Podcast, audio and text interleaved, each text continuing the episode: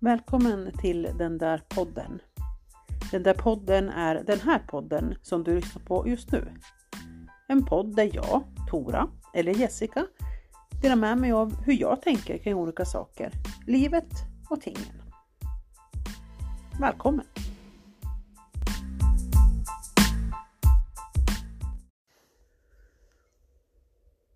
Jag tycker, precis som så många andra, att det finns någonting väldigt fint i att vi hjälper varandra. Jag känner mig värdefull och sedd när jag är behövd. Och jag känner stor tacksamhet när jag får hjälp och stöd av andra. Men jag ser också en liten risk med det här stödet som vi ger till varandra ibland. Och idag tänkte jag att vi ska prata lite grann om det här med gränser och om trygghet. Det är min intention. Sen vart det här tar vägen, det kan inte jag riktigt säga nu. Men när vi pratar om gränssättning så pratar vi ofta om eh, de här tydliga gränssättningarna. De här som ska markeras med ja eller nej. Eh, inte de här gränssättningarna som är mer i nyansform. När vi är i svackor i livet så kan vi då och då behöva vända oss till varandra, till våra vänner för att lätta vårt hjärta och be om råd och kanske få stöd och hjälp i hur vi ska fatta beslut eller jag kontaktar kanske en vän för att få tömma mina tankar och, och tagga ner mina känslor lite för att inte agera i affekt utan försöka tänka klart. Många gånger så är det ju det som skiljer oss ifrån varandra. När vi tror att någon annan är kokare än oss själva så är det inte alltid så. Utan skillnaden mellan dig och mig när vi pratar om dina problem är ju då oftare att jag inte har en känslomässig koppling till samtalsämnet som kanske du har om problemet är ditt. Och tvärtom såklart. I all den här hjälpen som vi får av varann så kan det vara lätt att vi blir så oerhört tacksamma till varann.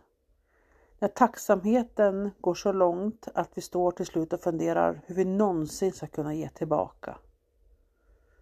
När min tacksamhet för allt du har gjort för mig, alla timmar du har lyssnat på mig, allt stöd du har gett mig går så långt att jag känner att jag är skyldig dig så mycket. När det övergår till att jag känner mig skyldig dig en massa saker som jag inte vet hur jag ska ge dig så har vi helt plötsligt en helt annan maktbalans i vår relation. För att det är ju nämligen så att den känsla jag upplever av att få stöd i rätt tid av dig går ju inte att ge tillbaka. För jag kommer aldrig veta att mitt stöd till dig var lika tungt som ditt stöd till mig eftersom jag inte känner det du känner för min insats. På samma vis som du inte känner det jag känner för den insats du gjorde för mig. Om vi tänker oss att jag är ute och åker efter en väg och så efter vägen så står plötsligt en människa med en tom bensindunk som är förtvivlad, trött i benen och har bråttom. Jag har inte bråttom alls. Jag ska ändå den här vägen så jag stannar till och plockar upp vederbörande och skjutsar människan efter den väg jag ändå skulle åka några kilometer så att den personen får tanka bensin i sin dunk till sin bil. För mig är den här insatsen i princip ingenting. Jag skulle den vägen. Det var inget svårt för mig. För den personen så kan det vara totalt avgörande för vad den människan skulle göra resten av dagen. Den människan tog kanske emot min hjälp medan den var trött, hade ont i benen, var förtvivlad över att inte veta när man någonsin ska få någon hjälp överhuvudtaget. Kanske började man bli hungrig. Så min insats, som var så pytteliten från mig, togs emot så stort. För att den personen ska kunna ge tillbaka till mig och själv kunna bedöma det med samma tyngd så måste ju den exakt känna och förstå mitt hundraprocentiga behov i en specifik situation. Och det är, som jag ser det, helt omöjligt. Vi kan liksom inte bli kvitt varann på det sättet. Jag kommer aldrig förstå hur det är att ha mig som vän, dotter, granne, kollega, mamma, partner. Och du kommer heller inte förstå hur det är. Men om jag går omkring och bedömer min egen insats till andra i relation till hur jag upplever andras insats i livet till mig så kommer jag förmodligen gå runt och ständigt känna att jag inte är tillräcklig. Om jag är en människa som uppskattar andra människor väldigt, väldigt mycket och försöker att göra saker i den utsträckningen så att jag själv också ska känna, men nu är jag lika värdefull. Nu gjorde jag samma stora insats som de har gjort till mig. Då kommer jag att få jaga det i hela livet. Och för mig blir det osunt. För mig så kan det här innebära att vi hamnar i en väldigt skev situation. För på andra sidan, den här stora, stora tacksamheten som kanske har övergått till skuldkänslor, så kan det också sitta en person som känner oj, mår du så där dåligt nu över att du ska bli kvitt till mig? Du behöver inte det. Åh, jo, men jag vill, jag vill. Hur ska jag kunna tacka dig? Och kära du och uppskattning och uppskattning. Så i den andra änden så kan det också faktiskt vara ganska jobbigt att vara den som bara för att jag stannar bilen och skjutsar några kilometer så hyllas jag som en kung eller drottning. Det kan göra att jag kan se svårigheter med att fortsätta ge någonting. Därför att jag kanske ser att din tacksamhet blir tung till slut att bära. Att du förminskar dig själv i relation till mig på ett sätt som med mina mått mätt är helt orimligt. Det kan i sin tur väcka en frustration över att jag inte kan få vederbörande att förstå att det här är inga problem för mig. Det här var inte för mig en så stor insats som vinsten var för dig. Lite som att jämföra med att du satsar 10 kronor på Lotto men vinner en miljon. Insatsen är ändå 10 kronor. Och miljonen, ja, det var andra saker som skulle in där som du hade med dig in i ekvationen. Din tacksamhet står i relation till ditt behov min insats stod i relation till min möjlighet. Det är jättefint att behöva varann. Det är jättefint att vara tacksam till varann. Men det är det här jag menar med att gränssättningen kan bli ganska svår. Därför att gränsen som behöver bromsas in ligger en bit in i relationen. Och när man säger saker, och det här kanske är provocerande, när man säger saker som jag hade inte klarat det här utan dig. När man vill beskriva hur betydelsefullt någonting har varit. Då binder det också fast en annan människa ganska hårt. Vad betyder det? Jag hade inte klarat det utan dig. Vad är alternativet? Om vi pratar om att flytta en tung låda från punkt A till punkt B. Nej, du kanske inte hade klarat det utan mina två armar också. Men om vi klarar någonting i livet från punkt A till punkt B tack vare en annan människa och påstår att jag hade inte klarat det utan dig. Vad är det man insinuerar egentligen?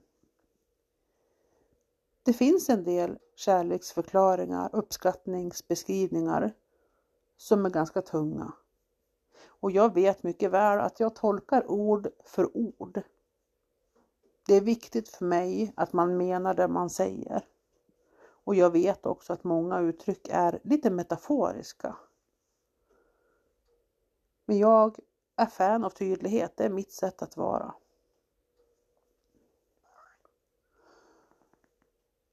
Sen har vi också det här med att vi vänder oss till varann för att få de här råden, för att varva ner lite grann. Vi säger att du kanske är den som får mig att tagga ner mina känslor så att jag inte agerar så mycket på dem. Därför att mina ageranden på mina känslor har lett mig till väldigt konstiga platser. Det leder att jag kanske istället för att avsluta en konflikt för att jag har ett behov av att bara få någonting sagt och trycka till en person som jag kanske är osams med leder till att den personen i sin tur får en känsla av att jaha, nu sa du sådär, nu behöver jag få någonting sagt. Och istället då för att jag får sätta sista ordet och, punkten för våran diskussion så skapar det en önskan från nästa person att också säga sista ordet och sätta sin punkt. Det här är liksom hela grejen med konfliktens pingpongsystem. Vi vill alla få det sista ordet sagt, som en hund i en hundgård. Och om jag inte har kraft, ork, lust att bemöta min antagonists sista ord eller att hantera vad som sen kommer att sägas i det här eskalerandet av diskussioner så behöver jag begränsa mitt eget sista ord. Och det här gäller ju oavsett om jag skriver eller säger det. Men om jag då går till dig och får säga de här sakerna och kanske tagga ner lite grann i min affekt så är det ju toppen. För där har jag också gränsat min egen konflikt tack vare att jag vänder mig till dig istället. Men när ska jag själv börja gränsa min egen affekt? När ska jag börja sätta stopp? Utan att behöva gå till någon annan. Betyder det då att om du har din telefon avstängd och kanske har gått och lagt dig och sovit eller du är på jobbet och inte kan svara mig när jag behöver få tagga ner mina känslor. Blir det då plötsligt ditt ansvar för att jag ska kunna begränsa mig själv? Så om jag inte får svar av dig, fortsätter jag då i min konflikt utan att själv behöva tänka efter? Vad är du då för mig? Och hur sunt är det? Och vad är jag då för mig? Jag har pratat tidigare i podden om det här att no one is coming to the rescue. Och om det egna ansvaret. Om jag inte lär mig av mina läxor utan jag lär mig att du fortsätter vara min, vad ska jag säga, hemundervisande vänskapslärare. Då sitter jag snart fast i ett beroende av dig som ett hjälp-jag som du nog aldrig erbjöd dig att bli. För jag ser att vi har beroenden och jag ser att vi har behov av varann. Men än en gång, att få ha någon i sitt liv som kan ge en ett råd när man behöver det, det är en ynnest. Men att på något vis hålla den personen ansvarig för att jag inte ska gå för långt. Det är inte rimligt. Och så flyttar vi om lite. Om du är den då som ser till att du håller balansen åt andra människor och jag tror att om du är den så har du redan känt igen dig här. Om du är den som folk vänder sig till, som får känna sig sedd och viktig och värdefull. Men som också upptäcker att jag skulle ha sagt sådär för nu vart det sådär tokigt igen för den här personen. Du upptäcker att det är tydligen bara jag som håller i kartan här. Det gör det också till slut svårt att säga något. Och det gör det också svårt att inte säga något.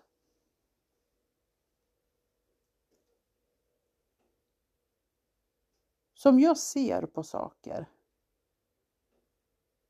är mitt sätt att se på saker.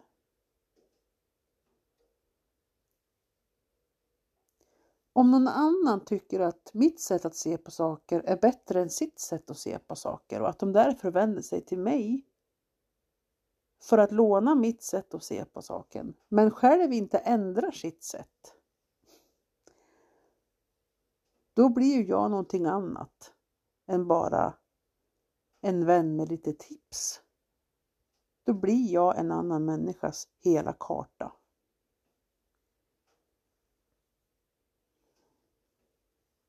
Det är lite som den här äh, berättelsen om att ge en man en fisk eller ge en man ett metspö. Men ibland så ger vi varandra metspön fast det är ingen som fiskar när vi inte är med. Våra barn och ungdomar gör ju så, men ibland gör även de vuxna vännerna på det sättet.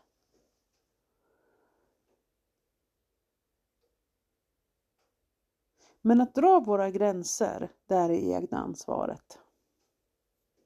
Jag har inget ansvar i om någon annan är gränslös.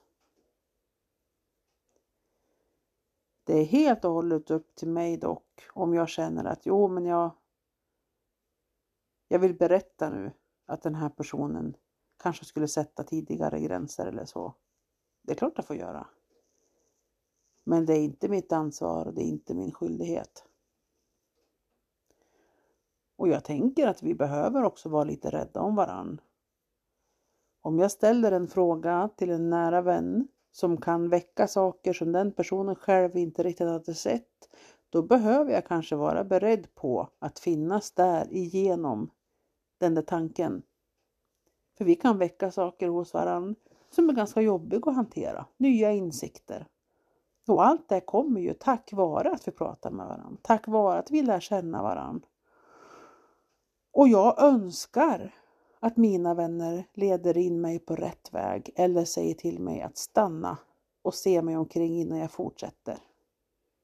Istället för att bara låta allting ske. Och det här låter ju som att jag pratar emot mig själv och vet du, det gör jag med största sannolikhet.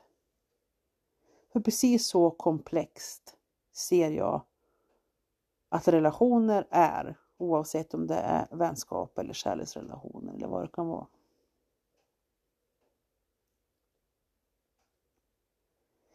Men med det sagt så Vi kan bara säga hur vi tänker till någon annan. Men vi kan inte förvänta oss att den personen ska göra som vi säger av den anledningen. Men jag kan heller inte förvänta mig att du ska vilja ge mig ett råd till när jag uppenbarligen gjorde tvärtom ditt förra råd. Men jag kan heller inte bli irriterad när någon inte gör som mitt råd. För att vi är helt olika människor.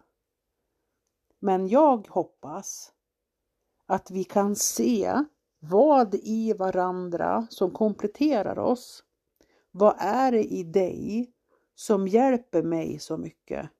Och att jag kan försöka att utveckla den sidan hos mig själv också så att jag inte behöver dig så förtvivlat mycket. Jag kan inte behöva dig så mycket att jag tror att jag inte klarar det själv. Den vackraste komplimangen som jag ser det är när vi egentligen klarar oss utan varandra men ändå vilja umgås med varandra. Att vara tacksam för allt som jag får av att umgås med dig. Men jag lider inte av att inte umgås med dig att du är min guldkant. Du är min, mitt körsbär på toppen, min lök på laxen. Ni vet alla de där bonusuttrycken. Men du är inte min livboj. Du är inte mitt syre. Du är inte min balansbräda. Jag tror att det är tryggt för alla att veta att ingenting hos dig varken drivs eller faller med mig. När jag kommer in så kommer jag in till någonting helt och när jag går så lämnar jag också någonting i balans. Att jag är fri att komma och gå som jag vill. Men att du kanske skiner upp när jag dyker upp och att du kanske längtar till nästa gång vi ses när vi skiljs åt. Och jag vill att du känner samma när vi ses. Jag vill inte att någon ska varken prata med mig eller umgås med mig av någon sorts plikt. Eller en känsla av att man måste. Och jag vill inte att någon ska må dåligt av att lämna, lägga på luren eller lämna mitt hem. Och för att det ska bli sant så behöver jag öva på vem jag är för mig själv. Och vad jag tänker om andra är inte deras ensak. Och vad de tänker om mig är inte min ensak. Om jag har en övning att göra som handlar om att öva på att inte försöka räkna ut vad andra tänker om mig, så är det mitt jobb. För att det jag tror att andra tänker om mig, apropå det jag sa från början, jag kanske uppskattar andra människor jättemycket men min självkänsla är så svag att jag inte kan förstå att andra skulle uppskatta mig. För jag kan inte känna vad det skulle kunna vara. Men det är för att det är helt omöjligt. För att vi mäter med helt olika saker. Men det är mitt jobb att sluta tänka så. Det är mitt jobb att öva bort den tanken och idén. Och hur gör man det då? Ja, svaret på det är att jag inte vet hur man gör. Jag vet bara att det är görbart. Jag vet också att vi kan bestämma vad vi tänker. Jag vet också att det vi känner kommer från det vi tänker. Och om det är sant så kan vi styra vad vi känner. Jag kanske kan hindra mina tankar lite. Jag kanske kan bestämma mig för att tro på vad folk tänker om mig som är positivt. För de människor som ofta är i din närhet, de vill vara där.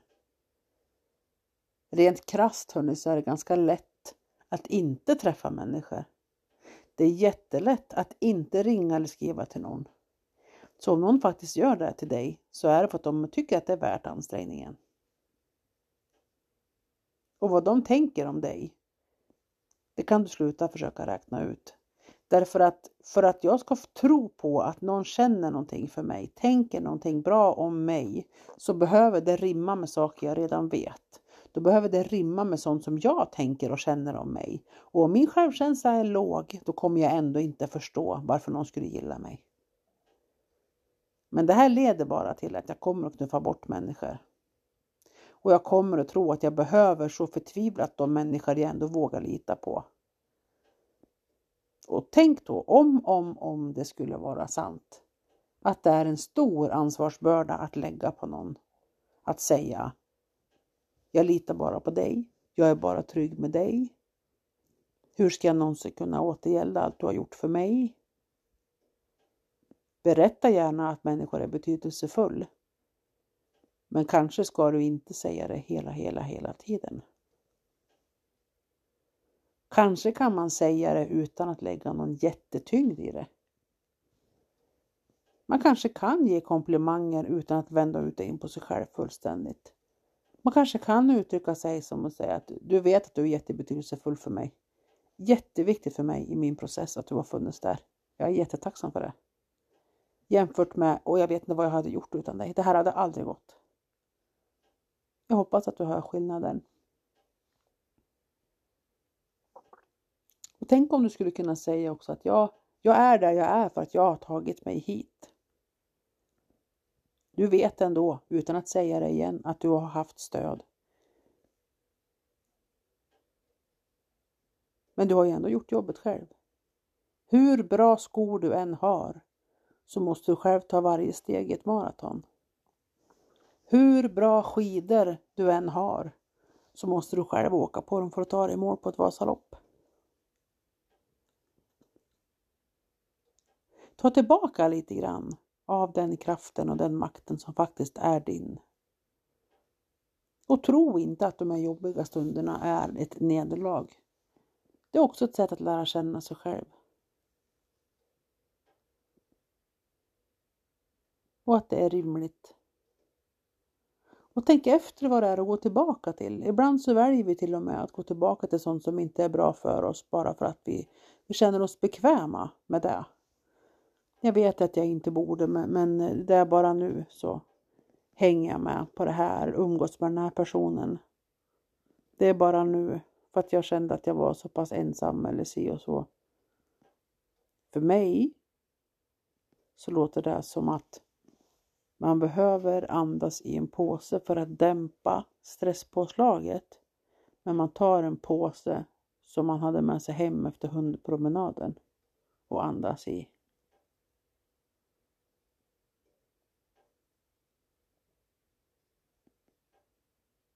Att försöka skilja på det man tänker och det man känner.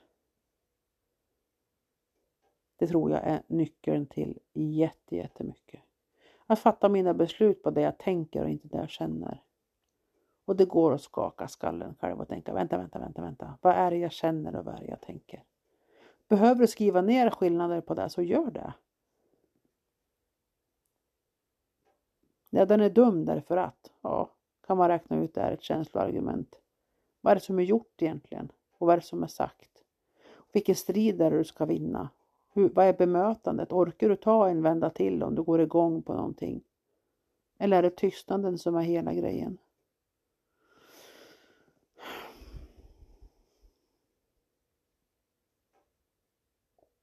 Mm. Jag vet inte riktigt om jag landade där vi förväntade oss. Men vi har landat nu. Men jag tycker om människor. Jag tycker om vad samvaro med människor gör med oss. Jag tycker om att det är ganska enkelt att få människor att må bra. Och vet du? Jag tror och jag tänker påstå att jag vet att människor i min närhet känner sig tryggare ju mer jag faktiskt säger att min lycka inte beror på dig. Du kan inte göra mig olycklig. Du har inte den makten. Jag blir glad i din närhet. Jag kan känna empati för dig, men du kan inte förstöra min dag.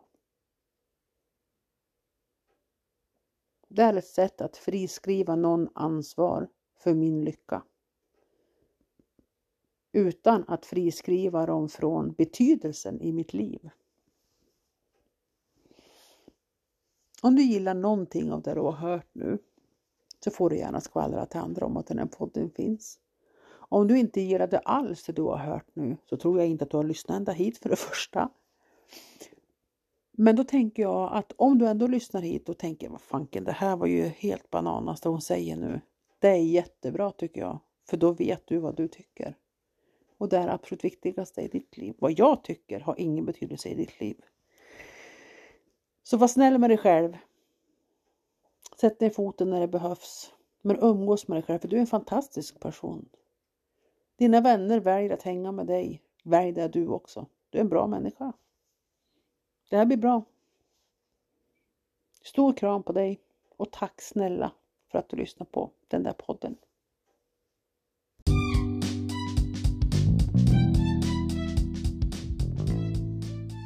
Tack för att du har lyssnat på ett avsnitt av den där podden. Om du gillade det du hörde så är du välkommen att dela. Jag heter Tora och det här var mina tankar och det är högt och lågt, så är det varje gång. Tack!